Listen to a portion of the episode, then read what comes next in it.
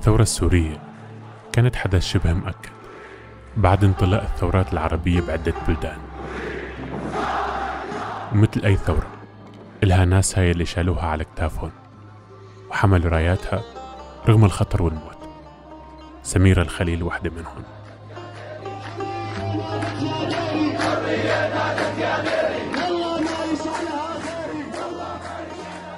اعتقلت بالثمانينات بسبب نشاطها مع حزب العمل السوري ولانخراطها بالثورة السورية صارت ملاحقة في دمشق عام 2013 من قبل نظام الأسد.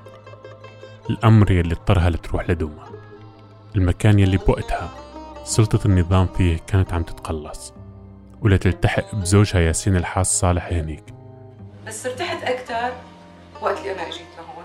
يعني هيك يعني أول هيك مرة بنام هون وأنا مرتاحة ما في حدا إلا علي. ما في خوف آه، إنه يمسكوا بالأمان للمفارقة. حوصرت سميرة مع أهل البلد وكتبت بأوراقها اللي وثقت الحصار. شكرا ياسين أنت من قادني لهذا المكان.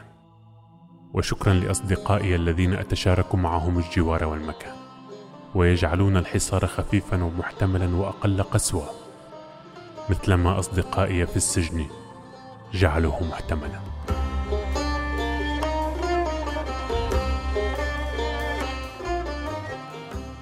لكن هربها لمنطقة محررة من النظام. للأسف ما حماها من ممارسات سلطة تانية جيش الإسلام يلي بحسب ياسين اختطفها وغيبها من أواخر 2013 إلى اليوم.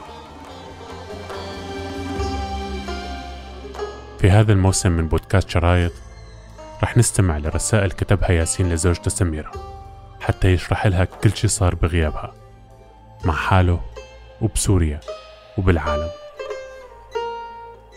أول هيك بنام هون وأنا مرتاحة ما في حدا إلا علي آه، ما في خوف.